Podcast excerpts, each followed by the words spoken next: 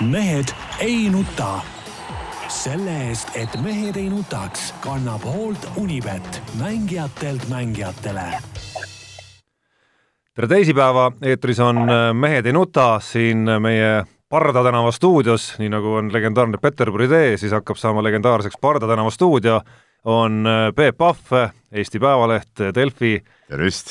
Äh, siin saate sissejuhatajana on au mul endal ehk Tarmo Pajul ja meil on äh, kusagil Sydney avarustes, äh, ma loodan, et veeämbrid käes, voolikud käes, vahukustutid käes, liinil siiski Jaan Martinson võitlemas hetkel Austraalia metsatulekahjudega, kas peab paika, Jaan? Jaa, täpselt peab paika, aga näed, keegi juba tulekahju, keegi helistab mulle nii äh,, kuulge, aga mul on üks tähtis kõne, te rääkige vahepeal omavahel. no vot no, no. otsesaate võlud, eks anna meile, Jaan, siis teada, kui äh, tähtis kõne on äh, möödas. ja siis võtame Jaani tagasi, siis võtame siis võtame Jaani tagasi liini peale, vahepeal keerame ta siit äh, keerame Jaani lihtsalt maha. keerame ta lihtsalt eetrist maha, kuigi ega me ei saa päris maha ei saa ka keerata, jah. täpselt teada, millal ta eetrisse tagasi tuleb aga Jaanil olid tähtsad ja ütles, et, siis kuulajad kõik aru saaksid, eh, Jaan istub siis hotellitoas, ei saa edasi, ei saa kohe tagasi, ehk siis jõudis mees Sydneyni välja, siin pikad lennureisid ja ja, ja, ja jõudis mees kohale, aga sealt Sydneyst edasi siis siselennuga enam ralli toimumispaika ei, kedagi ei lastud ja ja nii see mees seal nüüd ootab ja, ja, ja tal olid siin kokku lepitud, planeeritud siin äh, mingid kõned äh, rallimeestega ka, et ilmselt, ilmselt sealt, sealtkandist praegu ühendust võeti. no asja, asja puänt loomulikult on, äh, on kindlasti see, et et kogu see Jaani minek sinna Austraalia rallile käis ikkagi läbi suure häda ja viletsuse, kui, kui nüüd seda aegjada natukene meenutada, et esimesena tärkas temas muidugi lootus, et kui Ott Tänak äh, vormistab Kataloonias maailmameistritiitli ära, siis äh, äkki ta pääseb ikkagi sellest. Äh, no ma, ma korraks andsin talle ka selle lootuse, võib-olla, võib-olla tõesti teemegi nii, et ei ole mõtet minna. aga no siis ma ikka mõtlesin, et ei no paganaga peab ikkagi minema ja ja, ja, ja, ja kuna ma ise nagu mingil juhul minna ei saanud, siis ikkagi jäi see, jäi see Jaani peale ja oh, seda oh seda häda ja vingerdamist, mis selle kõik no, oli. mulle isegi pakkumas seda, ma võin öelda. häda ja vingerdus, mis sellega oli ja lõpuks ta ikkagi teele asus ja ja, ja, ja tegelikult oli juba, juba minnes olid juba mingid kahtlused olid õhus, aga noh, nagu ütleme, seda nagu minemata ka ei saanud nagu ette, no nüüd sai, vaata on ju need lennukites need katsereisijad, kes kes sõidavad ja ütleme, kontrollivad selle lennu kvaliteeti ja nii edasi, et Jaan võib-olla siis ka kvalifitseerub selleks hoopis. no mina, minul on, ma pean ütlema, Jaan siis hetkel on Sydneys, et kaugemale teda õnneks või kahjuks ei lubatud sealt enam, ehk siis kohale jõudes, mis juhtus siis meie järgi siin kuskil äh, täna, tänaste, tänase päeva esimeste tundide ajal. nojah, kuskil ma vaatasin, ma juba magasin, Jaan oli mulle helistanud kell kaks öösel umbes, aga, aga mul oli äh, Elina pealt telefon maha võetud ja ma ei, ei kuulnudki seda, nii et, et siis, siis need uudised juba hakkasid, hakkasid tulema, et ikkagi jääb ära ilmselt. et, et kui, kui Jaan jõudis kohale, siis siis mina peaks küll ütlema, et mul on Sydneyga ikkagi väga head mälestused oma elust, kahe tuhandenda aasta Sydney olümpiast, et et ma tean küll, värske info on, et Jaan üritab sealt nüüd meeleheitlikult siiski koju pääseda, aga minu arust võiks jätta ta küll nagu sanatooriumisse sinna, väga, väga vägevad rannad, kliima on väga hea, las kosutab oma, oma vana no, konti. aga kas, kas sina või, või ka head kuulajad kujutad ette Jaan Martinsoni ütleme, liibuvates ujumispükstes äh, kuskil rannaliival peesitamas arvan, ühte külge ja teist külge keera-, ma arvan, et ta ei ole ainus selline, see, see, ütleme, sarnane figuur seal rannas siiski. seda küll, aga no ütleme, head, head nahka siis ei tule, aga noh, ma ei tea, lähme natuke mm, selle ralli teemaga siis võib-olla edasi, et mis siis, mis see nüüd, äh, mis siis, aa, Jaan on tagasi, aa nii, okei. keerasime eebli peale. keerasime eebli peale. mis infot tuli vahepeal? jah, infot tuli see, et, et homme hakatakse siis evakueerima äh, rallimehi vaikselt äh, Coffs Harborist äh, Sydneysse ja, ja pääsevad sealt tulekahjude vahelt ära, et jupikaupa hakatakse neid ära tooma, sest arvestage, seal ei ole ju mitte ainult rallisõitjad, vaid igas tiimis on ka vist minu teada väljamaale saab võtta kuuskümmend äh, inimest, kuuskümmend mehaanikut, lisaks tiimijuhid, pressiesindajad ja kõik muu äh, staff ja, ja, ja kõik nad on parasjagu seal tulevangis. aga mismoodi see siis käib, et helikopterist sa saad kohale, saadakse need köied alla ja siis kinnitatakse sinna köite külge tõmmatakse üles või? ei, seal, seal on ikkagi äh, homseks vähemalt, nad loodavad, et nad saavad selle lennujaama korda, et, et homme homme lubatakse nagu vaiksemat tuult ja, ja, ja homme on juba lennukid võimelised lendama, aga, aga täna oli jah, olukord oli täiesti totter, ma räägin, et, et see on täielik absurdsus. absoluutselt kõik, kes äh, asjaga seotud on peale ralli korraldajate ja Rahvusvahelise Autoliidu ehk FIA, ütlesid kohe, et nii kui me siia sõitsime pühapäeval, oli selge, et siin ei toimu mitte ühtegi rallit ümberringi metsad põlevad, põhimõtteliselt kiiruskatseid kuskil korraldada ei saa, ei ole võimalik MM-rallit noh, säärases kohas korraldada. ainult, et korraldajad ütlesid, et okei okay,, et proovime, ootame, üritame, siis tehti, kujutage ette, kakskümmend üks Mikihire katset. ühest küljest see võiks olla jõle äge sekundite mäng, aga no kuulge, see ei ole ju MM-ralli. no distantsilt oli see lühem kui lühem kui Eesti ralli tegelikult kokku. no absoluutselt, üheksakümmend mingi ja. paar kilomeetrit sealt, eks. ja, ja siis, kui asi oli juba katastroofiliseks läinud, siis FIA eh, esialgu ütles, et eh, nad võtavad vastu otsuse teisipäeval kell neli eh,. esmaspäeval oli juba selge, et kohe-kohe jääb kamp tulevangi. nii, ikka FIA otsust ei, vastu ei võtnud mitte midagi ja siis nüüd täna hommikul meie saabume kenasti Sydneysse, hakkame lendama Coffs Harborisse ja siis äh, WRC TV inimesed tulevad, ütlevad, kuulge, jõu, et sinna ei tasu minna, te ei, te ei saa sealt ära, see on katastroofitsooniks kuulutatud. aga FIA poolt ei tulnud ikkagi ühtegi sõnumit ja nad, tähendab, kõik ümberringi teadsid. tiimid, me seal olid Sydneys ootasid ju Hyundai boss M-spordi boss, kõik neile öeldi, ärge tulge, ralli jääb ära. FIA ütles asja välja täpselt kell neli null kaks.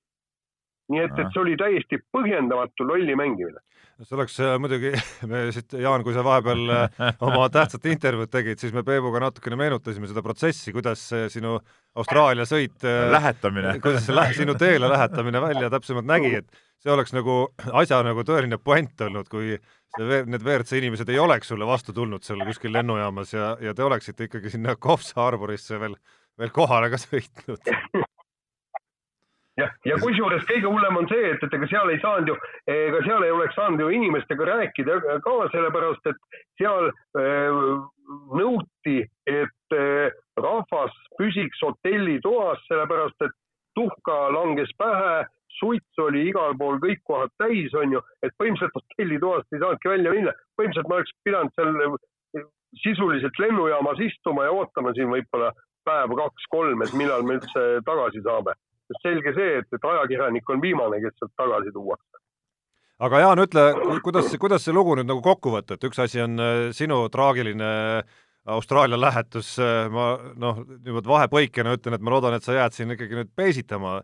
Sydney on väga mõnus suvitamise koht, aga, aga plaan vist tegelikult on miski muu, aga kui jääda nagu ralli teemade juurde, siis, siis kuidas see hooaja lõpulahendus nüüd nagu kokku võtta, et ega siin ju noh, tegelikult mõnes mõttes ei olegi ju nagu midagi öelda, selliste asjade vastu, kui need nii äkki tulevad, ei ole midagi teha või? no põhimõtteliselt küll ei ole, aga kas eh, on vaja ralli lõpplahendust viia Austraaliasse, kus eh, metsatulekahjud on sel aastaajal täiesti tavalised. okei okay,, eelmistel aastatel ei ole juhtunud, aga ega see ei tähenda, et, et ta nii jääbki, et tulevikus ka siin kunagi mitte midagi niisugust ei juhtu. et kas ei võiks see lõpplahendus siis minna, viia kuhugi turvalisemasse paika, nagu järgmine aasta on Jaapanisse. Et seal nagu ma ei ole kuulnud, et, et suurejoonelisi tulekahjusid oleks olnud. seal on mingid maavärinad ja asjad kohe ikka... no jaa, aga seal noh, maavärinad, need on juhuslikud, aga need ei ole just sellel aastaajal ehk siis kui siin hakkab äh, suvi pihta Austraalias. ja, ja teine asi ikkagi ma, ma veel kord ütlen, et otsused tuleb inimeste säästmiseks varem kokku võtta, mitte minu säästmiseks, aga kogu selle äh, ralli staffi säästmiseks. praegu lihtsalt põhjendamatult pühapäevast äh, kolmapäevani vedelevad nad seal keset suitsu ja tuld Äh, nüüd, kui sa oled Sydneys äh, oma hotellitoas, äh, ütle, kas, kas, kas sa seal ka tajud seda, et, et ümberringi on katastroofipiirkond, et tulekahjud ju päris Sydneys ei ole, aga kas seda on kuidagi õhust aru saada või, või inimeste käitumisest tänaval või, või mismoodi see eluolu seal on? No põhimõtteliselt inimeste käitumisest on aru saada, sellepärast et äh, tänagi istusin, ootasin bussi, mis mind hotelli tooks ja seal kõrval inimesed vaatasid mobiiltelefonist kõik neid äh, tule, tulekahjude sündmusi ja, ja kuulasid värskemaid uudiseid ja otseülekandeid seal. seal on ju äh, kolm tuhat tuletõrjujat praegu võit, võitleb selle tulega. lennukiga lennates Sydneysse oli ka näha põlenguid, aga need olid väiksemad põlengud, et et eh, noh, see toss, toss oli, aga, aga tuld väga ei näinud. aga, aga, aga see ongi see, et, et, et, et, et mis räägitakse, et kuulge, tulge nüüd mõistusele, meil siin Coffs Harbori ümbruses on sada viiskümmend eh, eh, kodu on maha põlenud, inimesed on hukkunud, loomad on hukkunud, farmid on ära põlenud. Ja teie tulete siia mingeid mikihiire, hiirekatseid sõitma et see oli nagu näkku sülitamine ka nendele kohalikele mingil moel ja nad olid ka hästi pahased. ei no see on selge ja no tegelikult selles suhtes sul oli õigus, et, et äh, kõik see ralli kalender iseenesest ongi, ongi nagu totter olnud, et me oleme siin varem ka seda rääkinud, et see ralli hooaja lõpp viiakse kohta, kus nagu tegelikult ju äh, ütleme, ei ole, ei ole nagu kohalikud, ei ole üldse nagu mängus, et see ralli lõpp võiks olla ikkagi Euroopas, kuna teadupärast meistritiitli eest võitlevad ikkagi nagu Euroopa rallimehed ja, ja selles suhtes on see, minu arust ka see Jaapan on suht jama variant nagu selle hooaja lõpetamiseks. ka ajavöönd on üks argument. ja ka ajavöönd. et see peamine huvi on ikkagi ju siinkandis, et, et milleks hakata kiiruskatseid meie järgi öösel sõitma. et selles suhtes on ka see Jaapan suht, suht jama variant, et minu arust see okei okay,, kui tahetakse, et see mm, et see peab olema kõik laiali ja ja okei okay,, see hooaja keskel jäetakse seal Ameerika pool ja, ja võib seal Aasia pool ka sõita mingeid ralle, aga see algus ja lõpp ja ütleme, need tuum-, tuumikrallid peaks olema ikkagi, ikkagi siin Euroopast, et see on, see on nagu selge.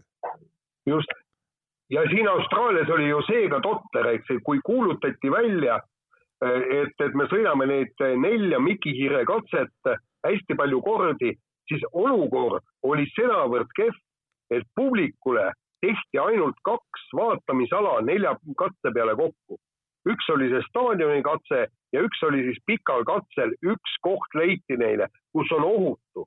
Ja kujutage ette, eks publikut lastakse rahulikult äh, kahte kohta ainult, aga rallimehed peavad kõik, kõik need kohad ja kõik need trassid läbi sõitma. Nende pärast nagu mitte keegi ei muretsenud. mis kuradi ralli see on, kui sul on ainult kaks vaatamiskohta terve ralli peale?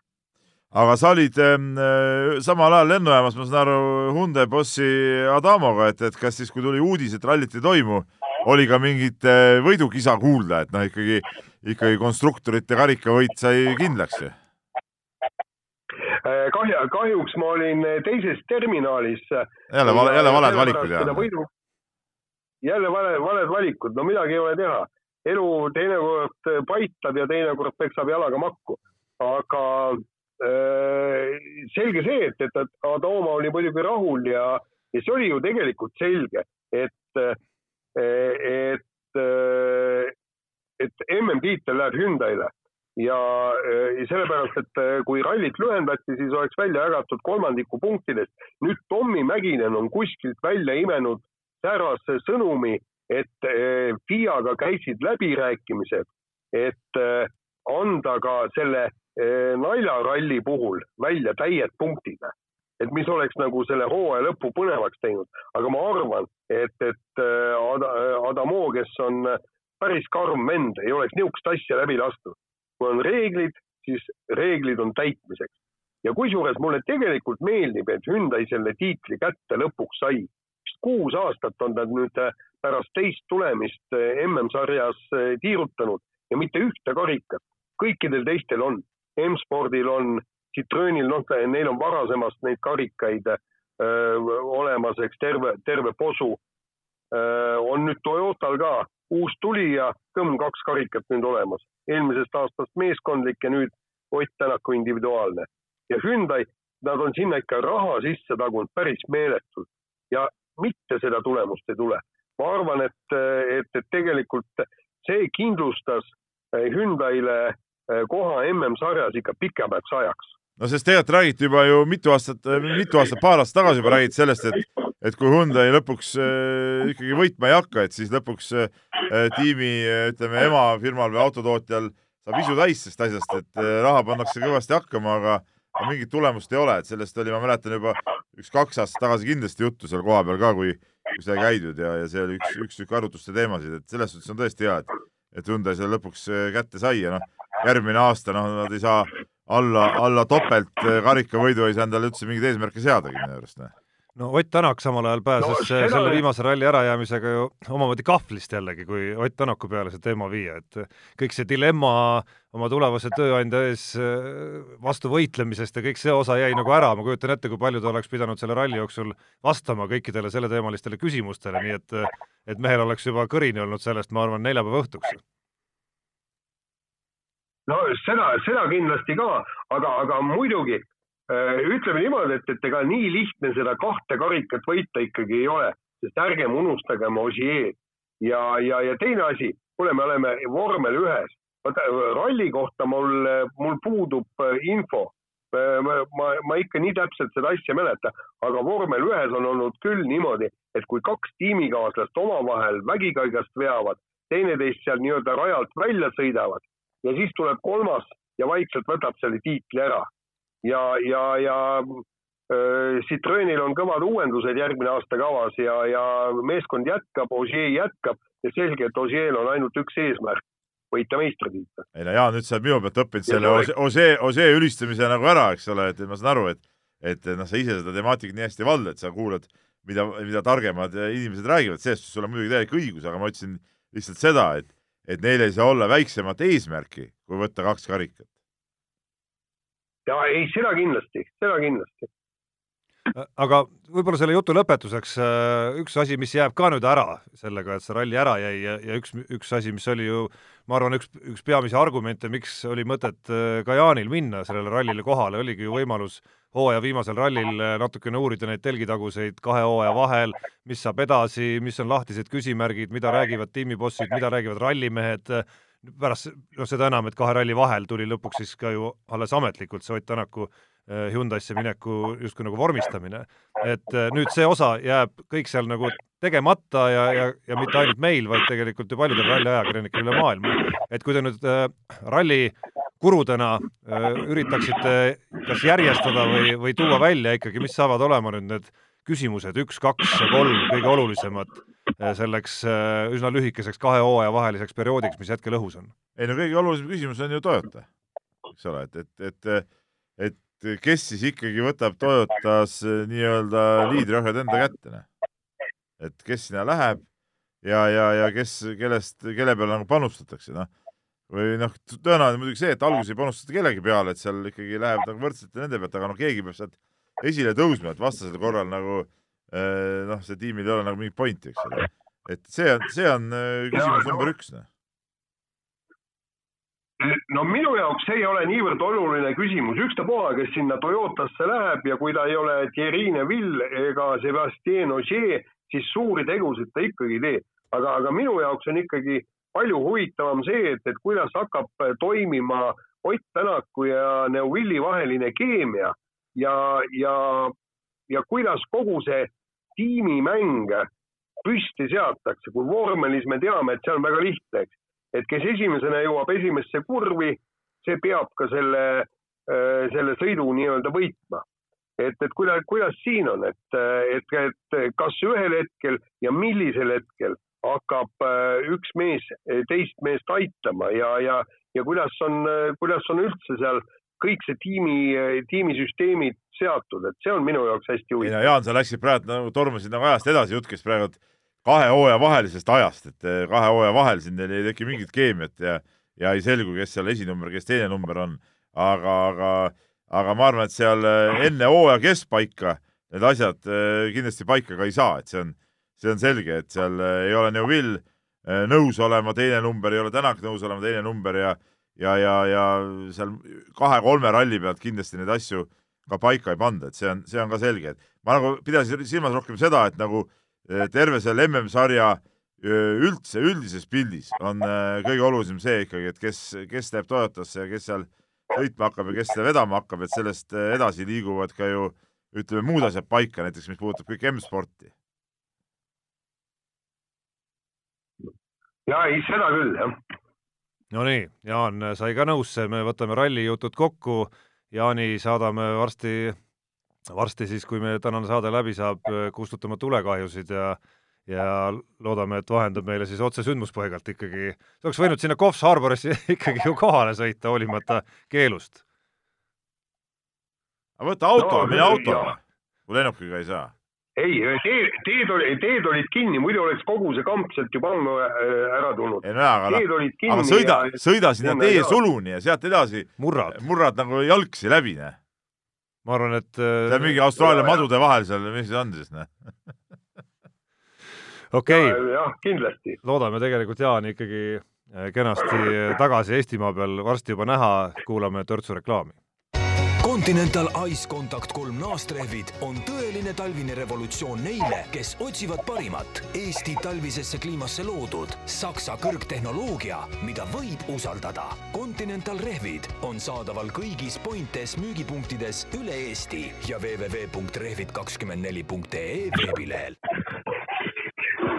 noh, Peep on juba siukse, silmad juba ütlevad, et midagi tahaks kommenteerida. ei, ma tahtsin kommenteerida seda, et et meil on siin see rehvi reklaam, talverehvide reklaam, aga õues nagu talve ei ole, mina ei ole veel igatahes rehve vahetanud, kas sa oled või? ei ole, kuigi mul on lamellid, aga kuidagi lükkan edasi, vaatan ilmaprognoosi, sealt ei paista, kuu üksteist... aega ei paista talve. et ma ei tea, et, ma võin ju suvekatega ringi lasta siin vihmase ilmaga ju, see ei tohi, tuleb vist ikka mingi see esimesest detsembrist peaks olema tead, see nagu kohustuslik olen... aeg, aga seda võidakse muuta ka, kui õues on suvi. olen seda edasi lükanud, mis ma, mida, mida ma klõbistan nende nättega seal, kui, kui üksteist kraadi on õues sooja, et selles suhtes ei ole nagu, ei ole mingit pointi nii, aga läheme meie teise saateosa juurde ja, ja seda teist saateosa alustame lühikesest teemast number üks, ehk siis Rait Ratasepp, meie raudmees, ultramees ja ma ei tea, mis kõik mees, tegi siis ära oma nelikümmend järjestikust triatlonit neljakümne päevaga äh, ja ütles nii-öelda nagu muuseas pärast seda üritust, et ega, ega seal polegi midagi erilist, et, et inimene, et tõestas ära, et inimene saab sportida täpselt nii kaua, kuni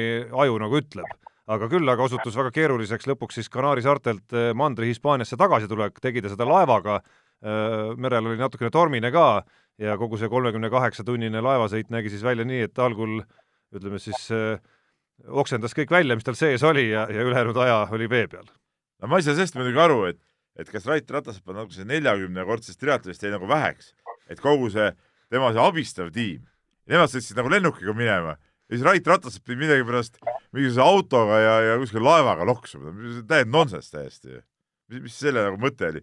miks oleks võinud mõni see abiline seal selle laevaga tulla ja Rait Ratas, kes on ikkagi nagu ütleme, neljakümnest päevast kurnatud, oleks võinud ikka lennuki koju sõita ja praegult juba rahulikult oma koduvoodis pikutada. ei no ta ise seletas seda niimoodi, et äh, ta oleks saanud äh, auto panna ka laeva peale ise lennukiga lennata, et ega selle autol ei pea seal juures passima kogu aeg et oleks ka nii saanud tegelikult teha. ei no miks tema peab selle autoga tulema? aga miks ta pidi tulema, jääb segaseks, sama hästi oleks võinud äkki selle, kogu selle ürituse lõpetuseks planeerida veel reis Austraaliasse. noh, praegu võiks jooksvalt võib-olla minna sinna kohale lihtsalt sinna ja vaadata, äkki õnnestub läbi joosta sealt metsatulekahjude piirkonnast. tegelikult mul oleks Rait Ratase peal nagu uus ettepanek, et et see nelikümmend päeva järjest ühe koha peal seda teha ongi nagu jura. et tegelikult võikski hakata niimoodi, et iga päev liigud nagu edasi, noh. et supled siis äh, sõidad rattaga, jooksed, siis puhkad seal, alati pead siis leidma selle finišikoha niimoodi, kus saab nagu ujuda jälle. siis jälle supled, eks ole, ja ratas niimoodi panedki, ma ei tea, tiir ümber maailma näiteks, noh. et see oleks nagu võib-olla sihuke, sihuke äge, äge, äge katsumus järgmiseks korraks.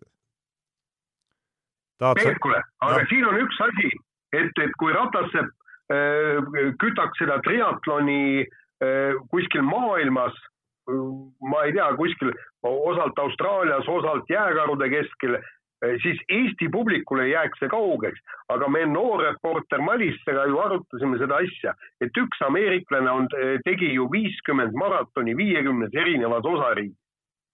ja miks ei võiks Ratasepp järgmisena käsile võtta viiskümmend maratoni Eestis ja äh, või triatloni Eestis ja iga triatlon erinevas paigas, sest kujuta ette kui ta ühel päeval oleks Kapa-Kohilas, teisel päeval Vasalemmas, kolmandal päeval Jõhvis või ma ei tea, publik tuleks ju teda vaatama.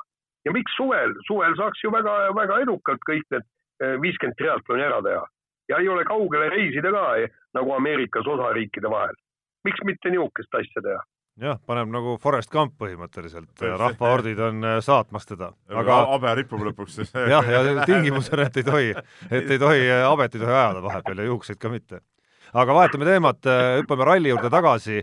Hyundai pealik Andrea Adamo on andnud päris mitu intervjuud pärast Kataloonia rallit ja enne Austraalia rallit, mis ära jäi ja muuhulgas siis äh, Äh, rääkis ta intervjuus Õhtulehele ka seda, et, äh, et ühes, ühel hetkel sellel aastal, kui, kui meedia pidevalt päris äh, Ott Tänaku palkamise ja võimaliku sihtkoha kohta, otsustasid nad teadlikult koos Ott Tänakuga, et hakkavad siis ajakirjanikele lihtsalt jama ajama. no mehed, olete solvunud ka? ei, mis solvunud. ma kirjutasin sellest ka eelmise nädala lõpu lehes, et, et ma ei saa nagu sellest äh, äh, autofirmade sellest poliitikast aru, et, et, et miks on tarvis alati nagu venitada sellega, leping on tehtud, alati venitatakse sellega mingi, mingi imeliku päevani, nüüd päev X oli siis see, kui öeldi välja see, et nüüd on Tänakul Hyundai'ga leping, aga mis see päev siis nagu on erilist, miks see päev oli, oli just sobilik selleks väljaütlemiseks, kas keegi on aru saanud sellest? mina ei ole sellest aru saanud. ja siis kogu see häma, mis alati selle asja, kogu see häma, mis selle asja juurde käib, on siuke täielik totrus tegelikult ei no jaa, aga Peep, kogu see häma on ju tegelikult niivõrd tavapärane e. ongi, seda ma räägingi, et see ongi totter, et alati on nii. just ja, ja, ja kusjuures ma mingil juhul ei tahaks olla nende rallisõitjate ja tiimijuhtide nahas, kes kõik peavad nädalate ja teinekord kuude kaupa tegema nä nägusid ja ütlema, et ei, meie ei tea sellest midagi, nagu siis oligi, et kui Tänak Toyotasse läks, siis kumbki nagu kõik ütlevad, ei ole midagi, Mäginen ütleb, ei no vaatame jah, et noh, et mõtted on, aga ei, mina tean sellest asjast midagi ammu leping tehtud. et, et, et selles mõttes on, on neist kahju, et nad on sunnitud hämama ja tegelikult niisugune lollijutu rääkimine äh, noh, nagu annab asjale väikese jume jume juurde, et, et ei saa nagu seda asja tõsiselt võtta ja kusjuures nüüd praeguses äh, olukorras mul tekib tõsine küsimus.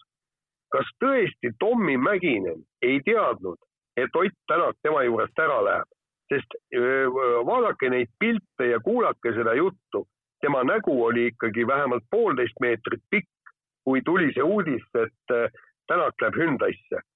kas tõesti talle ei olnud öeldud või siis ta temagi mängis tsirkust kaasa. või ta ei tahtnud seda uskuda lihtsalt, noh. lihtsalt ta ei tahtnud uskuda seda, ma arvan, noh. et see info, ütleme nii informeeritud peaks ta ikkagi olema, et see info tal oli olemas tegelikult, et seal äh, asi on, äh, asi on nii, nii läinud või minemas, noh.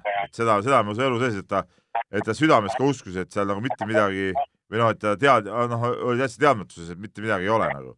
et seda ma küll ei taha uskuda. Aga ilmselt ta ei tahtnud seda uskuda, lihtsalt no mingi, mingi mingi psühholoogiline tõrge oli selles suhtes? nojah, ei tea, aga, aga selles mõttes on, aga, aga no see ei ole ainult rallimeeste puhul ju. see on ju kõikide sportlaste puhul, kes ei saa mingitel põhjustel välja öelda, et nad on sõlminud lepingu kas uue tiimiga või, või, või siis noh, mis iganes, uue klubiga. aga noh, samas, samas see hoiab jälle, üks point seal muidugi on, et ta hoiab kogu seda tsirkust nagu hästi pildil ja, ja siukest nagu äh, teemat nagu pidevalt üleval, sest et niikaua kui seda välja ei öelda, niikaua käib üks lõputu jauramine sel teemal ja lõputu küsimine ja lõputu tühja jutu ajamine ja tühjade lugude kirjutamine teate. jah, lihtsalt asja kokkuvõttes ei ole siis mõtet, äh, ütleme, äh, kui nad sellise otsuse Adamoga tegid, ei ole ka Ott Tänakul mõtet siis väga solvunud olla, et, äh, et avaldatakse ütleme siis mit-, avaldatakse, ütleme, noh, ka kuulujutte või avaldatakse igasuguseid jutte, millest kõik ei pruugi ka tõele vastata nii, aga Jaan, sa kirjutasid siin äh, ka huvitava artikli paar päeva tagasi uuest suusaalast ehk siis uus supersprint äh, suusatamises, mis on mõeldud siis tõesti tõelistele lihasmägedele, et tavasuusatajatel ei ole seal ilmselt suurt midagi teha, et hakkavad siis äh, sadat meetrit nühkima. no totrus järjekordne minu arust. miks nii? no jama. ei no aga. miks nii? suusatamine on ikka, suusatamine on ikkagi sihuke sihuke pikk protsessiline spordiala, kus start seal ikka ütleme mingi tund-poolteist mõnulemist seda vaadates, mitte mingi nii, et mingi paugutatakse. juba see praegune suusasprint on nagu olemuselt nagu jura, eks ole. saja meetri oma on ikka täielik jura. Peep, kuule, aga saad aru, lumehelbekeste põlvkond tuleb ju peale. Eestis ei ole ju ammusest ajast distantsisõitjat ju tulnud. meil on, meil on kaks nii-öelda suusakoondislast, Marko Kilm äh,, Kilp ja äh, Mariel Merli-Pulles. mõlemad on sprinterid. aga neid ka on ainult kaks vaata, kui tuleb viiekümne meetri suusatamine, siis võib-olla tulevad noored ka, mõtlevad, noh, kurat, see sada meetrit ei olegi nii pikk maa, et ja selle, selle võiks ju võib-olla ka maha sõita. ja, ja, ja äkki see lööb Eesti suusatamisele jalad alla. ei, siin, siin sa, siin sa, siin sa, ma arvan, siin on nagu vale arvestus, et äh, kui see ala tõepoolest tõsiseks läheb, siis äh, nagu on see lumehelbekeste alast muidugi väga kaugel, see on sama, mis öelda, et äh, Usain Bolt ja, ja kõik saja meetri sprinterid maailmas on lumehelbekesed, Michael Johnsonid ja kahesaja meetri sprinterid ja nii edasi, et see, see, kui see asi läheb nagu spetsialiseerumiseni välja, siis kindlasti ei ole väga lihtne sellel, sellel alal maailma tippu jõuda no jaa, aga siin asi saab minna veel edasi nagu, et et ka sada meetrit ka liiga pikk distants ja võib-olla võistlus liiga pikk, et keegi ei jaksa vaadata, et ühe tõukevõistlus, kõik on stardijoonel, ühe hops, paaris tõukega mingisugune kümme meetrit pead libisema ja, ja ongi kõik. No, nüüd sa, nüüd sa ajad nagu äärmusesse asja. No, iseenesest. sada meetrit ongi juba äärmus, Tarmo ise,. iseenesest, no aga kas see ei ole ju reaalne sprint, mida me praegu näeme, see on ju puhas kestvussport. ei, viiekümne kilomeetri kõrval on see sprint no,, aga õige suusatamine on viiskümmend kilomeetrit see on nagu korralik lõigutrenn pigem. noh, jah, aga, aga no sprint, no see on ikka sellisel kujul, see, see nagu ei, ei sobi minu arust. ei, Peep, kuule, väga hea, mul tuli praegu mõttesse väga hea suusatamise ala. vaata, sa oled näinud ju, kuidas suusatajad suuski testivad et seal on üleval on kepid ja all on siis ja, ka kepid. jah, jah, jah. jah, ja sealt, sealt, sealt ennast ära ei tõugata sa mhm. pead loomulikult libisema minema, ehk siis sa ei tee nagu mitte ühtegi jõulist liigutust, vaid lased ennast niimoodi allamäge, aga jalad saavad ju vatti, sa pead poolkükkis asendis olema umbes kakskümmend sekundit. et, et seda tuleb ka ju treenida. jah, et sa treenidki seda, et kes, kes suudab kõige paremini kükitada. ei, see on õige, vot see on, selle võiks teha nagu tõesti, seal äkki oleks eestlased ka nagu nagu mängus sees tegelikult. Eh. No need ikka kaks tõelist vanakooli meest äh, ikkagi lammutasid äh, uue mõtte, mis minu arust võiks, võiks tasub täitsa proovimist, äkki ma oleks, ma olen varemgi mõelnud, et võiks tegelikult proovida seda, et vaadata, kuidas seda välja proovitud ka, ei, seda on proovitud jaa, aga noh, natuke tõsisemalt, et tõesti tekitadagi mingisugune noh, teha nagu tõsine katse, et, et lisada see nagu päris alaks. ei, no jumal. see võiks olla päris vaatemänguline. sina oledki alati, sina tahadki lammutada kogu seda meie sporti. ei, ega see ei lammuta midagi ära, see lihtsalt küll. lisab väikese uue nüansi. see rikub ära klassikalise suusatamise, see on nagu selge no sinu, sinu arust on ka ühistardid selle ära rikkunud juba niigi. No,, selles mõttes küll, ja ma arvan, et publiku jaoks samas ei ole. noh, ma arvan, et paljude jaoks on.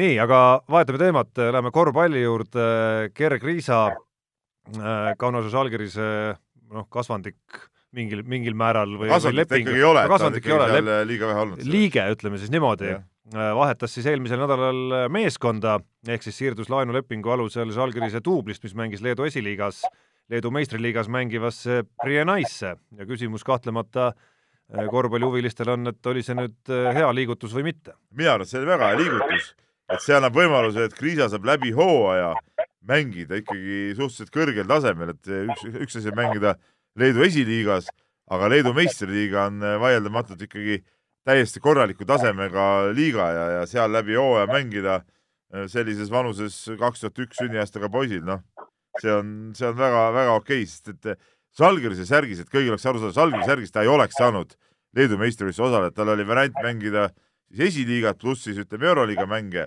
aga, aga tema välismaalase staatus ja, ja seal mingid litsentside süsteemid ei võimaldanud tal mängida Žalgirise eest Leedu meistriliigas, et selles suhtes see oli, see oli parem ja see on kindlasti karastavam, kui saada hooaja jooksul võib-olla veel kaks korda kaks minutit Euroliigas eh, ja, ja ülejäänud aja mängida esiliigas, kui see, et sa saad nüüd terve hooaja seal tugevas liigas mängida. ja no mis oli sümpaatne, oli nii vähe või palju, kui tema enda lauseid sai selle kohta lugeda, ütles ta, et see oli tegelikult tema enda suur tahtmine ka, et see, et see samm nagu ette võtta ikkagi. et selles mõttes äh, Äh, müts maha noore mängumehe ees, kes, kes nagu risti ette ei löö. Et ta on siin hiljuti päris huvitavalt rääkinud ka sellest, kuidas Leedus juba kolmeteistkümne, neljateistkümne aastased äh, teevad sporti sihiga saada tipp, tippsportlaseks, eks, kui meil võib-olla selles vanuses on veel selline nagu noh, ütleme, harrastus, kui nii, kui nii võib öelda, siis, siis ideaalis võiks praegune samm sillutada justkui teed talle järgmiseks hooajaks äkki isegi Žalgirisse, kui ta tõesti saab juba meeste tasemel hakkama meistriliigas. sest need näited sellest on olemas, kus Žalgiris on saatnud mängijad äh, nii-öelda laenule ja, ja karastuma ja siis on tagasi võtnud nad äh, enda juurde päris satsi, et selles suhtes on, on see jumala, jumala okei okay asi aga nagu debüüt näitas, kuigi sellest ei maksa võib-olla palju välja lugeda, olles äsja meeskonnaga liitunud, siis kindlasti seal liigas läbilöömine on vähe teine tera kui seal esiliigas. no see on absoluutselt, sellest ma räägin, see on, see on tugev liiga. küll aga on läbi löönud juba ja ei ole, ei ole vaja erilist tõestamist enam ette võtta Ragnar Klavanil, kes on siis eh, jälle saanud osaliseks nii-öelda suures eduloos ja Cagliari meeskond siis Itaalias Sardiinia saare pealt on siis kerkinud Itaalia liigas äh, jagama kolmandat kohta ja, ja, ja Klaavan on, on üks põhijõude seal meeskonnas äh, kindlalt koosseisus sees ja, ja seda on väga uhke vaadata. ega siin ei olegi lisada no,. Peep, sa oled kogu, Peep, sa oled kogu aeg rääkinud, et ega tegelikult sellel ei ole ju mingit tähtsust, mitmendal kohal sa paikned äh, esimese kolmandiku distantsi läbimisel et ma arvan, et ootame siiski selle tšempionaadi lõpuni ja, ja vaatame tegelikult hoopistükkis Liverpooli, äh, kes juhib praegu jõuliselt äh, Inglismaa meistriliigat. Ja mõtleme, kui Klaavan oleks sinna jäänud, eelmine aasta meistrite liiga võitja, no okei okay,, kasvõi pingipoisina, aga ikkagi.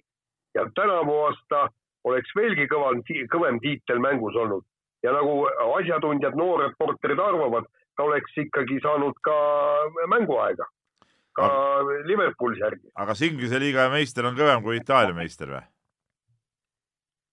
ei noh, meistriks sa tahad öelda, Cagliari, kas me veame kihla või? ei no ma ei, siin ei hakka mingit kihla vedama, aga ei no Liverpool on Liverpool, selles mõttes on jah, Jaanil õigus, et meistrite liiga võit käib ka sinna hulka kindlasti, aga tagantjärele ma arvan, väga raske seda hinnata, seda sellisena, et eh, ega Liverpoolil ka teda otseselt enam vaja ikkagi ei olnud, et me, me ei oleks kunagi teada saanud, mismoodi see tema karjäär seal jätkunud täpsemalt oleks ja, ja kas ta üldse terve oleks praeguseks ajaks või mitte, et päris kõva kaalukeel oli ikkagi ju ka tervis antud otsuse tegemisel. Eh, ma arvan, et seal Liverpoolis äh, ei pruugi ta noh, ütleme lihtsalt ei oleks pruukinud ära kestagi lihtsalt, et see, see võib-olla on see teine pool lihtsalt kogu selle Liverpoolist lahkumise ja Cagliarisse siirdumise äh, juures, aga nüüd väike paus. Unibetis saab tasuta vaadata aastas enam kui viiekümne tuhande mängu otseülekannet, seda isegi mobiilis ja tahvelarvutis. Unibet, mängijatelt mängijatele nii, oleme tagasi eetris äh, ja alustame oma Unibeti rubriigiga ja Peep tahab sõna võtta. ei, ei, ma ei taha sõna võtta, lihtsalt et äh, et eh, ma nagu tegelesin ennustamisega küll seal, et ma käisin jäähokit vaatamas saalis ja, ja seal ennustasin kogu aeg, et mis, mis eh, tulemusega üks periood lõpeb. ahah, ja selle, mul oli peaaegu õigus. selle eest ei ole sul küll midagi ette näidata ilmselt. aga kust sa tead? kas, ma küsin, kas on või ei, ei ole? ei ole, aga, aga mul oli peaaegu õigus, et ma sain nagu aru, et nüüd on tippvorm tulnud ja nüüd, nüüd nüüd ma hakkan nagu eh, paugutama, sest ma nägin nagu Eesti hokikoondise põhjal nägin nagu asjad hästi ette ära ja ja hokikoondis meil tuleb juttu ka, nii et see kuidas, oli kõva värk. kuidas sul, Jaan? no äh, ääretult äh, tahtsin panna, äh, panna Margus Hundi mängu peale ehk siis Indianapolis Coltsi mängu peale, aga kuna täpselt samal ajal olid mul lennureisid, värgid, särgid, siis ma ei pannud ja õnneks ei pannud, sest hunt kaotas ja teiseks tahtsin panna ralli peale, aga, aga näed sa, ralli jäi ära.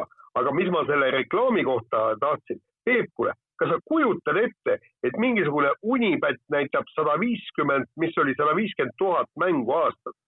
mäletad nõukaajal, kui me vaatasime isegi jääpalli, et, et, et, et telekas sporti teha. meil ei olnud ju terve aasta peale sadat ülekannetki ja nüüd on ainult üks mingi Unibet näitab sada viiskümmend tuhat.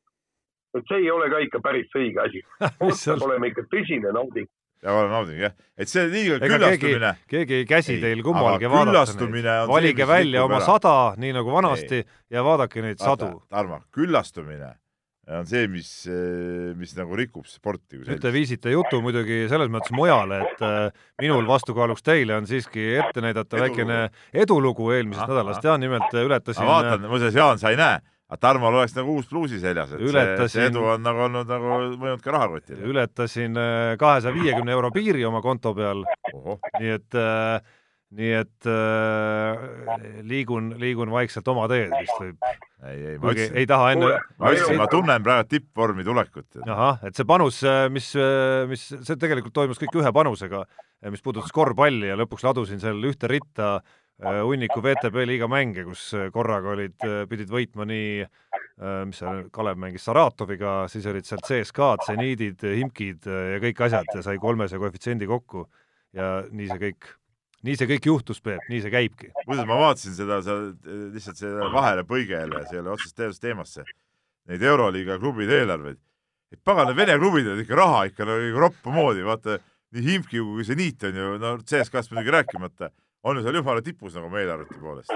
ja no Zeniidi puhul jääb küsimus, mida selle rahaga tehtud muidugi on täpselt küll, jah no joon osteti, aga kõik muu on nagu on, nagu on. jah, ja samal ajal eh, hea paralleel kõrvale, eelmisel nädalal oli hea võimalus kommenteerida Villerbanni Asvelli mängu, mis on siis eelarve poolest nagu eh, eelviimane klubi, isegi väiksem kui Žalgiris üheteist miljoni peal oli ja üksteist, Žalgiris oli üksteist koma Žalgiris oli sutsu eespool. no ei, Žalgiris oli ka üksteist koma midagi, noh. et, et eh, ja, ja nagu lust on vaadata, mismoodi ikkagi ja. suudavad ka sellise otsa meeskonnad mängida, aga Peep, aga Peep, kuidas kirjadega lood? oi, kirju on palju, kas meil seda pakkumist ei olnud praegu? aa, ikka, ikka, pakkumisega, ei, pakkumisega väga huvitav lugu. Äh, juba eelmisel nädalal sai antud tegemisele panus sellele, kes tuleb äh, ralli maailmameistrivõistlustel siis konstruktorite karikaarvestuse võitjaks. Panused said tehtud ka juba, olid üleval, kui tuli uudis, et viimane ralli jääb ära, loomulikult pärast seda ei, ei saanud seda panust kauem hoida. siis sel hetkel, kui oli õhus võimalus, et tuleb lühendatud ralli, sai mõeldud, et teeme panuse Neville versus Tänak Äh, kõik oli hea, plaan kuni tänase ööni, kus tuli uudis, et ralli jääb üldse ära. ja hetkel on siis töös panus, aga seda ei ole tõesti veel valmis, äh, mis puudutab siis Eesti jalgpallikoondise kohtumist võõrsil Ukraina vastu ja seda, kas Eestil õnnestub seal värav lüüa või mitte. Kas sul, Jaan, ei tundu, et ütleme, Tarmo, kes seda panuste värki siin haldab, et kuidagi ei saa nagu hakkama, et teeb ühe jälle, jälle jääb ära võistlus, siis teeb mingi teise, jälle jääb sina, ära, eks sina, ole. Ja nii edasi. sina, Peep, tee nüüd mõned panused ja siis nii. hakka heitma piike kuskile mujale. ei noh, aga näed, jälle nüüd sa hakkasid vastu ründama, see näitab, et mul oli jälle õigus. ikka, ikka. jah, see näitab, et siin jälle kallutatud jõud olid, ütleme see. ma tuletan seda sulle üsna varsti meelde, seda lauset, et näed, hakkasid vastu ründama, järelikult mul oli õigus. Nii, aga lähme kirjade juurde ja kirju on äh, tõepoolest jälle väga palju ja üks kiri, mida ma välja ei printinud ja mida ma praegu vaatan siin kogu aeg ja see kirjal on täiega õigus, see kiri oli väga lühike seisnes selles, et telekasse seina peal on teil pagana viltu ja on küll viltu. ma praegu tean ise ka seda. aga miks telekas täna ei tööta, ma ei saa aru? sest kaamera võtab meid niipidi. Jaani pole. no mis siis? no mis sa seda vaatad, kaamerat mina tahtsin vaadata neid pilte. aa, sina tahtsid ennast vaadata või Jaani? ei, ennast ikka, ilusat meest. Noh. no vot nii. Aga, aga telekas on tõepoolest viltu ja, ja järgmine kord, kui kaamera on õiges kohas, Jaan on juba tagasi, selleks võid... ajaks laseme, laseme ka sa võid võtta oma telefoni välja ja teha, panna see fotorežiim ja pöörad selle ringi nagu selfie režiimile. ja siis sa nagu Näen, vaatad ennast seal saate see, ajal. see on hea mõte. tead, ma töö juures teen seda kogu aeg. nii, lähme kirjade juurde ja Meelis Lollide maalt on kirjutanud ja teemaks on vehklemine ja Meelis ütleb, et ta oli meie eelmise saate vehklemise kajastusele äärmiselt pettunud, eriti Peebus eh,. ahah, aitäh, noh, no ilus mees, no tõepoolest, ma tahan nüüd kirja lugeda eriti Peebus, kes ikka õigluse eest püüab seista. arutlus oli väga kallutatud Tihverti poole. tahaksin Peebult kui treenerilt küsida, kas ta peaks oma võistkonnas mängijad, kes igal võimalikul juhul meeskonna tegemistele vastu töötaks. täpselt selline on ju Helen-Elis Naukas ja kurb, et ässitab ka oma õpilast siis teiste vastu töötama. Et tuletage meelde, mis toimus enne Riia olümpiat ja nüüd on, saame sama, oli enne Tallinna mõõka, et, et äh, Tihvert siis koondisega ei liitunud, käis hoopis Prantsusmaa treeninglaagris, et see on ju lapsik, kui ma pean ise maksma, siis ma teie liivakasti ei tule.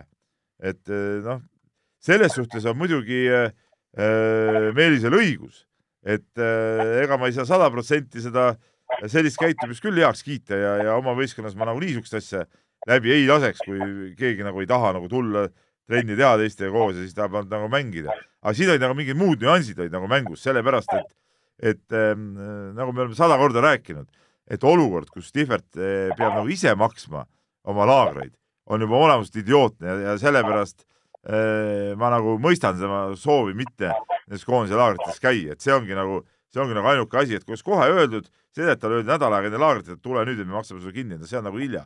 et kogu aeg laske tal käia ja olla äh, selle äh, koondise kulul ja koondise liikmena, siis jäävad kõik need, kõik need jamad ära, et ma usun, et Meelis on minuga selles küsimuses ka nõus. nii, aga äh, kirjutab meile teadlane Priidik ja äh, teemaks laskesuusatamine, et eelmise talve parim üllatus oli siis Priidiku meelest Eesti naislaskesuusatajate tubli esinemine ja areng. Ja küsib nüüd, mida võib loota sellest hooajast nüüd, kui esimene sisevõistlus on peetud, kas on põhjust oodata veelgi paremat taset? no ma äh, vaatasin ka neid tulemusi ja, ja tegelikult üllatuslikult äh, ebaühtlased olid need, äh, need tulemused ja kogu see tase ja, ja, ja selle põhjal on muidugi raske midagi öelda, eriti kui nad võistlevad omavahel, no meil, meil ei ole, puudub ju igasugune taustsüsteem ja kontekst, et kuhu, kuhu neid tulemusi praegu üldse asetada? jah, no väike üllatus seal äh, sisaldub, mis puudutas Grete Kaimi äh, nagu pildile tulekut, aga aga ta oli ka suvel muuseas, ma käisin suvepeatul Eestit, ta seal sai ka teise koha tegelikult.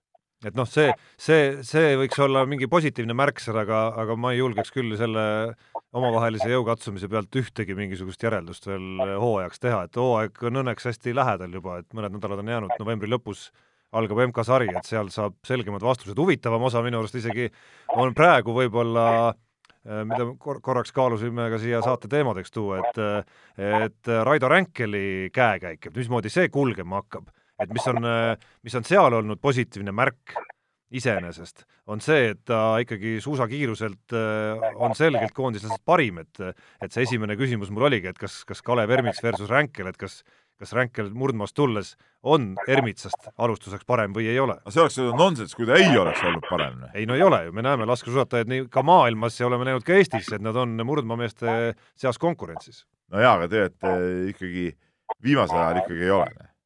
viimasel ajal pole niisugust asja väga olnud no, eh, ma omalt poolt siin ütlen, et, et tegelikult on minu jaoks on natukene kurb on see, et, et eh, Ränkel on äh, teistest meie Eesti laskesuusatajatest sedavõrd üle.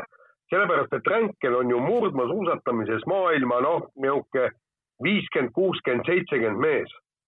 mis, mis tähendab, et ta, ta murdmaasuusatajana ei ole just suurem asi. ja nüüd see vend tuleb ja paneb laskesuusatajatele pika-pika puuga meie laskesuusatajatele, mis näitab, et, et meie laskesuusatajad ikka suusatamises on noh, no ma ei taha öelda, et null, aga üsna sinna lähedale. no Kalev Ermitsa kohta sa ei saa tegelikult öelda, et ta on null et lõpuks selgub see lõpuks taustsüsteemis, kui nad kõik lähevad MK-etapile, et see, kas see asi on Ermitsa nõrkuses või noh, Ermitsast ei pea ainult üksinda rääkima, et äh, ma arvan, Rene Tsahknas on rohkem küsimus isegi, sest sest tema jäi mõlemast päris kaugele sõidutempos. nojah, sest ta lasi ju suhteliselt hästi, aga sõidutempo oli täiesti olematu, et siin, siin nagu neid murekohti nagu on ja, ja, ja, ja väga hästi need asjad asjad paigas ei ole, et, et selge see, et see teema, teema vajab nagu menetlemist ja mis, aga mis oli nagu positiivne Ränkini seisukohast, oli see, et eh, kui ta suvel, kui ma käisin seda suvepeatoni vaatamas, siis ta lasi nii püsti kui pikali eh, tiirudes, lasi stabiilselt kolm tükki mööda, siis nüüd ta suutis vist lamades tiirus ainult ühe eksimusega pääseda, et see, see juba on suur asi. nii, ma mõtlesin, et Jaan tahab midagi öelda veel, aga Jaan ei tahtnud midagi öelda, nii, vana kirjasaatja. No, ei ütle, ütle ei, ei, ma, ma, ma, ma lihtsalt ütlen, et, et täpselt nii kaua, kui Ermits ja, ja, ja teised meie laskesuusatajad äh, Ränkelile vastu ei saa, ei ole neil vähimatki lootust maailmas midagi korda saata. nõus. aga ka tõesti vana kirjasaatja Tamm Tamm on saatnud meile äh, kirja FC Flora teemadel ja, ja kuigi meil ka jalgpallist võib-olla tuleb natuke pärast juttu, siis siis see äh, tähelepanek äh, on väga õige, sellest on tegelikult olnud ajakirjanduses ka juttu ja, ja Tamm Tamm kirjutab sedasi, et, äh, et äh, Delfi intervjuus ütles siis Pelle Pohlak, see on see FC Flora president, et kui äh, päriselt kõnelda, siis suund, mille aastad tagasi vali, valisime, oli edukas. Ja kui kuulata Eesti jalgpalliajakirjanikke, siis nad ülistavad Florat ja jätavad mulje, nagu ainult Flora ajaks Eesti jalgpalli asja ja teise Äh, teised tegeleksid ainult äh, välismaalastega. paraku viimases mängus Saksamaa vastu oli äh, neli mängijat kahekümne kolmast Flora poolt üles kasvatatud, see on see Eesti koondis käib jutt, teised olid Flora poolt oma süsteemis võetud, no ütleme kaheksateist aastaselt või, või siis isegi hiljem onju. et teised klubid olid musta töö ära teinud. et ja see ongi see küsimus ja viimati oli siin eelmisel hooajal oli Floras põhimõtteliselt ainult üks mängija, kes on oma kasvandik. Ja, ja Tamm Tammi õiguslik küsimus ongi siis see, et äh, miks äh, nende noortesüsteemist, Flora noortesüsteemist ei kasva nii suurt hulka noori peale, et äh, meeskond ajaks nagu üle ja, ja, ja tuleb võtta hoopis juurde teiste äh, klubide neid noori kasvandikke. No see on tegelikult küsimus, mille ma ei mäleta, kumb teist ka eelmises saates FC Florast rääkides viskas üles. ja ma juba jah. siis äh, tegelikult vaidlesin natukene vastu, et, et ma ei näe, kus see, kus see nagu tegelik probleem seal on, muidugi saab eraldi vaadata nüüd, kui hästi töötab Flora nii-öelda nagu laste äh, laste noormeesteks äh, kasvatamise süsteem ja saab seda vaadata ka lahtivõetuna siis sellest esindusmeeskonna justkui nagu ideoloogiast siis kus ikkagi legionäridele rõhku ei panda ja, ja otsitakse kas siis oma kasvandikke või teisi Eesti jalgpallureid, olgu nad äh, Konstantin Vassiljevi vanuses või kaheksateistkümneaastased. et kuskil peavad ju lõpuks mängima ka ka, ka need jalgpallurid kõik, kes kasvavad ju mujal üles, et kui sa võtad Flora äh, esindusmeeskonna ja liidermängijad näiteks, siis alustades Erik Sorgast, tema ja veel kaks väga tähtsat mängijat on üles kasvanud äh, kasvatajaklubina jalgpalliklubis Leegion, et kus nad siis praeguses vanuses mängima peaks. noh, loogiline ongi, et nad mängivad Nõmme Kaljus või Floras või Levadias või noh, mingis enda tasemele vastavas klubis või juba välismaal. et see on ju loogiline, et, et nad teevad selle sammu nagu ülespoole. Samamoodi nagu sinu õpilased, Peep, tänaseks, üks on Pärnus ja teine on äh, Kalevis. jaa, aga, aga asi on selles, et et öö, äh, oma mängijaid võiks ikkagi klubil olla rohkem seal süsteemis. võimalik võimalik. ei, siin, siin oleks huvitav teada, ma ei jõudnud seda välja uurida enne saadet, et et mis on nagu ütleme siis nagu noortesüsteemide kui me paneme kõik jalgpallinoored ja siis kui palju neid on Floras näiteks versus siis kogu ülejäänud Eesti peale, et kas see vahekord äh, on kuidagi paigast ära, et Floras selle massi peale peaks tulema rohkem noori või mitte?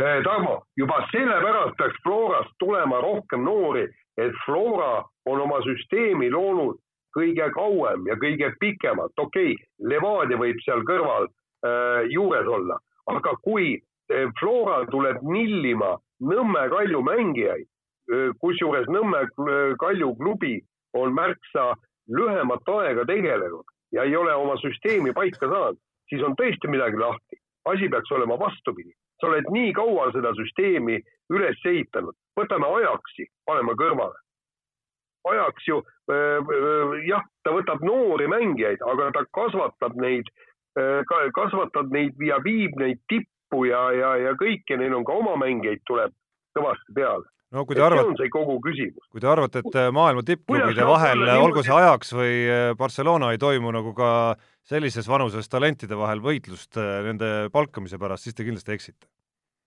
see toimub igal ja, levelil, alustades juba massööridest ei, seda ja, küll, aga kuidas saab olla niimoodi, et Leegion kasvatab välja nii, nii vinged mängijad ja Flora, kelle süsteem on kordades suurem ja kordades vanem, ei suuda seda teha ja aga küsimus on ju ka, et mis talendid satuvad kuhu, kus nad alustavad parasjagu, et ma ei näe, kas, kas me peame vägisi hakkama kõiki neid talente Flora süsteemi juba lasteaia vanuses ei pea, ei pea, aga küsimus selles, kas Flora süsteem on ikkagi nii äge ja, ja õige väga hea treener järelikult on seal Leegionis. nojah, aga see ongi see küsimus, et, et, et miks Flora, Florast mehed välja tulema. võtan viimase kirjana ette, siin Tõnul on päris huvitav tähelepanek. kell on jube palju. et kell on palju küll, jah, aga teeme hästi kiiresti. Tõnul on huvitav tähelepanek, mis puudutab kergejõustiku teemat liigat ja sealt äh, välja jäetud siis äh, äh, kettaheide oli üks ala ja vist oli, mis see teine oli, vasarheide või? kolmikhüpe. kolmikhüpe, mis oli nagu kummaline, eks ole. et, et aga ta siin just tõi, toob välja, et tegemist võib olla viimasel ajal küllaltki tavalise rassismivastase, rassismivastaste aktivistide rassistliku aktsiooniga valgete suhtes, toob Tõnu välja oma idee, et kuna parimatest valgetest äh, Äh, edukamaid mustanäolisi vasarheitjaid, kettaheitjaid, odaviskajat on väga harva ette, äh, siis, siis see ongi nagu ütleme, ütleme nagu niisugune rassismivastaste poolt välja käidud idee, et, et neid, neid alasid nagu mitte nii tähelepanu keskmesse tuua. no ma arvan, et see asi nüüd nii hull ei ole või nagu see nii hull oleks, siis oleks, oleks kummaline küll ja tegelikult seesama, see kolmikhüpe, mis sa ütlesid, seal on ju äh, valitsevad täiesti mustanahalised mehed ja ameeriklased ja väga kõrge no, ärme tasemeline. ärme nüüd seda küsimust väga tõsiselt võta, aga, aga probleem ei. on muidugi päris suur. ei, ma tahtsin edasi rääkida, et kolmikhüpe on ju olnud viimastel aastatel väga kõrgetasemeline ja minu arust on väga kummaline eh, see alade valik või no okei okay,, sest, sest kettaid, ma saan veel aru, et noh, kettaid ongi oma olemuselt võib-olla üks väga ebaatraktiivsemaid alasid kergejõustikus, noh noh, tahame või ei taha, meie jaoks edukas ala, aga ta, vaadata ta ei ole nii seksikas. kolmikhüppe näiteks on väga huvitav ala, ma sellest küll aru ei saa, mis, mis põhimõttel või, või kuidas neid alasid välja jäeti ja, ja tervikuna ma leian, et üldse on vale äh, neil aladel teha see kergejõustik sees ka vahet, et et kui sa oled ikka normaalne väljakuala äh, või normaalne jooksuala, siis äh, noh, leiaks neid teemantliiga võistlusi nii palju, et me saaks need, need alad ära pidada küll tegelikult. ja no siin tuleb ju veel see nüanss sisse, et nagu Aivar Karotam äh, äh, rääkis, et atraktiivne on see, kui hüpatakse väga kaugele, visatakse vahendid ka väga kaugele ja tegelikult ketas on ju selles mõttes, et ikka lendab küll ja, ja seal sa saad aru, et kuidas üks mees viskab väga kaugele ja teine lihtsalt kaugele. Ja nüüd jätame sisse kuulitõuke, kus nad kõik plönnivad sinna, okei okay,, kakskümmend kaks meetrit on kuulitõukes väga vinge tulemus, aga lõppkokkuvõttes, kuivõrd palju see publik sellest aru saab ja naudib ja näeb, et kui kaugele see kuul sinna plärtsatab ja, ja, ja, ja kas, kas siis tõesti on kuulitõuge atraktiivsem kui kettaheide? no tuletan, tuletan küll MM-i kuulitõuke finaalvõistlust meelde, et see oli võib-olla selle, see oli võib-olla selle MM-i üks kõige haaravamaid üritusi üldse. no jaa, aga, aga, aga, aga, aga kuivõrd sind paeluks näiteks, et äh, paneme raskusheite ka veel sinna või, või, või kus, kus mingisuguse vahendi, kus heidetakse ja, või tõugatakse või visatakse kümme meetrit. üks vend on kümme meetrit, kakskümmend sentimeetrit, jess, see on maailmarekord.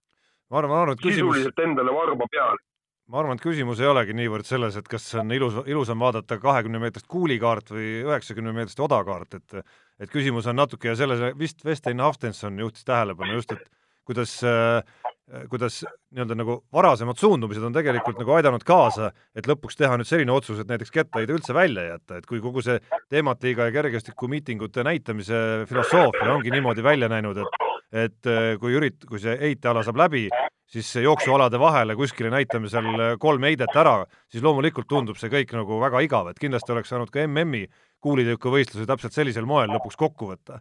aga kui sa näitad seda kui sa võtadki sihiks kogu aeg nagu näidata seda ikkagi ja seda põnevust ka kajastada seal, siis ei teki üldse seda probleemi, et äh, sul on odalendu võib-olla igav vaadata. sest huvitav osa on just see nagu võitlus ja see, kuidas mehed seal omavahel kohti vahetavad. no jaa, üks asi võitlus, teine muidugi ka ala ilu, et ütleme, odav ise oma olemuselt on väga ilus vaadata.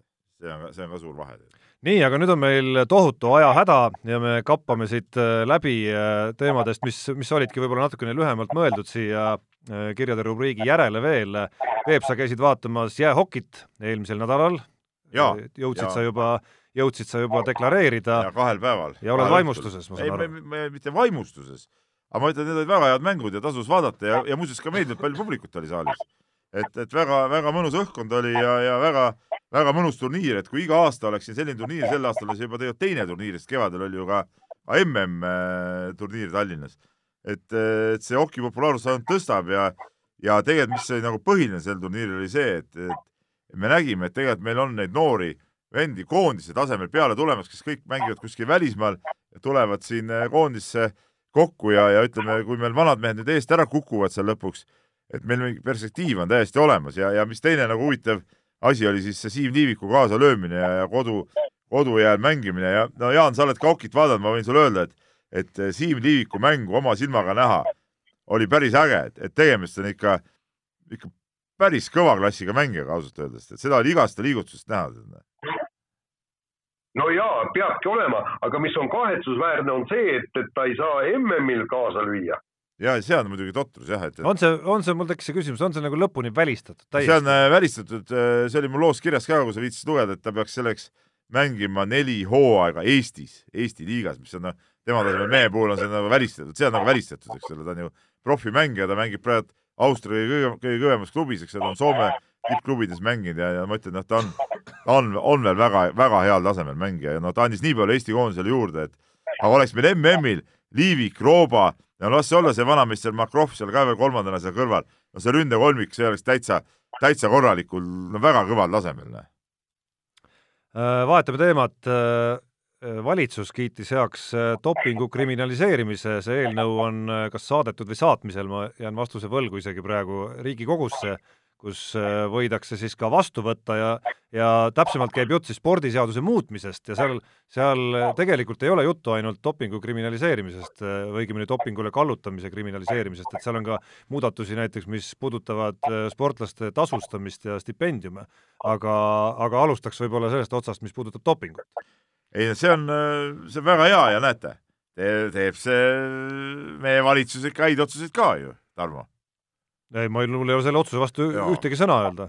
aga ma ei ole kuulnud nagu siin kiidulaulu nüüd selle järel. no sa ei lase mul kiita isegi, sellepärast sa hakkad juba enne, kui ma midagi head jõuan öelda, hakkad juba nii-öelda praalimas. ma ei ole ka, ütleme niisama eeterväliselt ma tahtsin öelda pigem, et näed, et ikkagi kuulatakse meie saadet ja hakatakse seadusi tegema. ei no see on nagu õige ja tegelikult jumal tänatud, et niisugune seadus vastu võetakse ja see natuke peaks ikkagi seda, ütleme seda hirmu külvama nende dopingu vahendajate ja, ja tegelaste hulgas, et et sa võid kriminaalkaristuse saada ja, ja kui sa vahele jääd ja elu on näidanud ikka üldjuhul päris tihti ka vahele jäädakse, tead, kui sellega tegeletakse.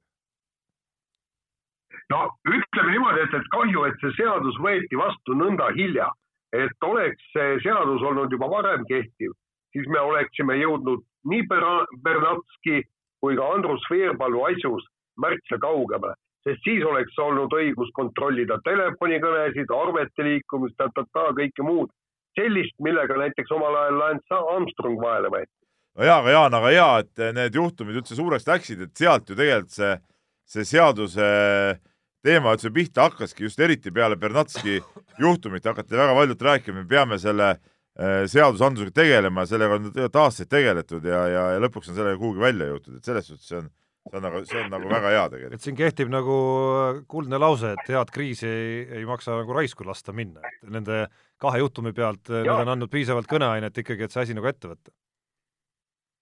ja, ja ka Peep, teisalt, teisalt jälle jumal tänatud, et see seadus nii hilja vastu võeti. kujutan ette, kui Bernatski juhtumil oleks tulnud välja, et Bernatski räägib õigust, siis milline plejaad meie spordisangareid oleks oma maine kaotanud ja istuksid, noh, praegu nüüd enam mitte, aga istuksid trellide taga. ja ei, seda kindlasti jah, see, see oleks olnud päris, päris kõva raputus. nii, ja kõvad raputused on käinud ka Eesti korvpalliklubide hulgas, et, et äh, on alustanud hooaega päris käsiselt TLÜ Kalev, kõigepealt mullune hõbedameeskond, Tallinna Kalev, TLÜ on õige nimetus, tead, keegi valet pidi kirjutanud selle äh,, lahkus sealt siis Tanel Sokk ja, ja kuidagi see meeskond ei ole ennast äh, käima saanud, üks kaot-, üks võit ja viis või kuus kaotust on neil praegu tabelis. ja, ja teine niisugune äh, keerulises meeskond on siis Tartu Ülikool, kes on saanud küll kaks võitu, aga, aga on saanud ka väga äh, rumalaid või halbu kaotusi ja viimati siis visati Ventspilsi vastu ainult kolmkümmend kaheksa silma, kaotati viie, viie punktiga see mäng, et, et noh, midagi head siin äh, ei ole, et äh, no ma ei ole nüüd seda Tartu äh, mängu nii lähedalt näinud, ma tegin küll tänasesse lehte loo, ma saan aru, et seal on klubijuhtide usaldus äh, Priit Vene ja noorte mängijate suhtes on säilinud ja iseenesest see on nagu õige, et seal võib-olla mingit tõmblust praegu ei korraldata, et igal juhul äh, kui see tee nagu valiti, et nendele noortele antakse võimalusi, see on nüüd tõsi küll teine hooaeg juba, kus noortel on võimalus esile tõusta, siis noh, see hooaeg tuleks nüüd nendega nagu niimoodi lõpuni minna, et siin pole nagu midagi teha, et võib-olla kedagi veel appi tuua. natuke käisin... tuumakam peaks see pool ikkagi seal kõrval olema, mul on ka tunne, et et, äh, et see natukene on jäänud võib-olla hapraks, eriti pärast seda, kui kui eurosarjast jäädi välja ja siis äh, otsustati nagu natukene, ma ei tea, ma ei taha öelda odavamat teed minna, aga säästlikumat teed minna.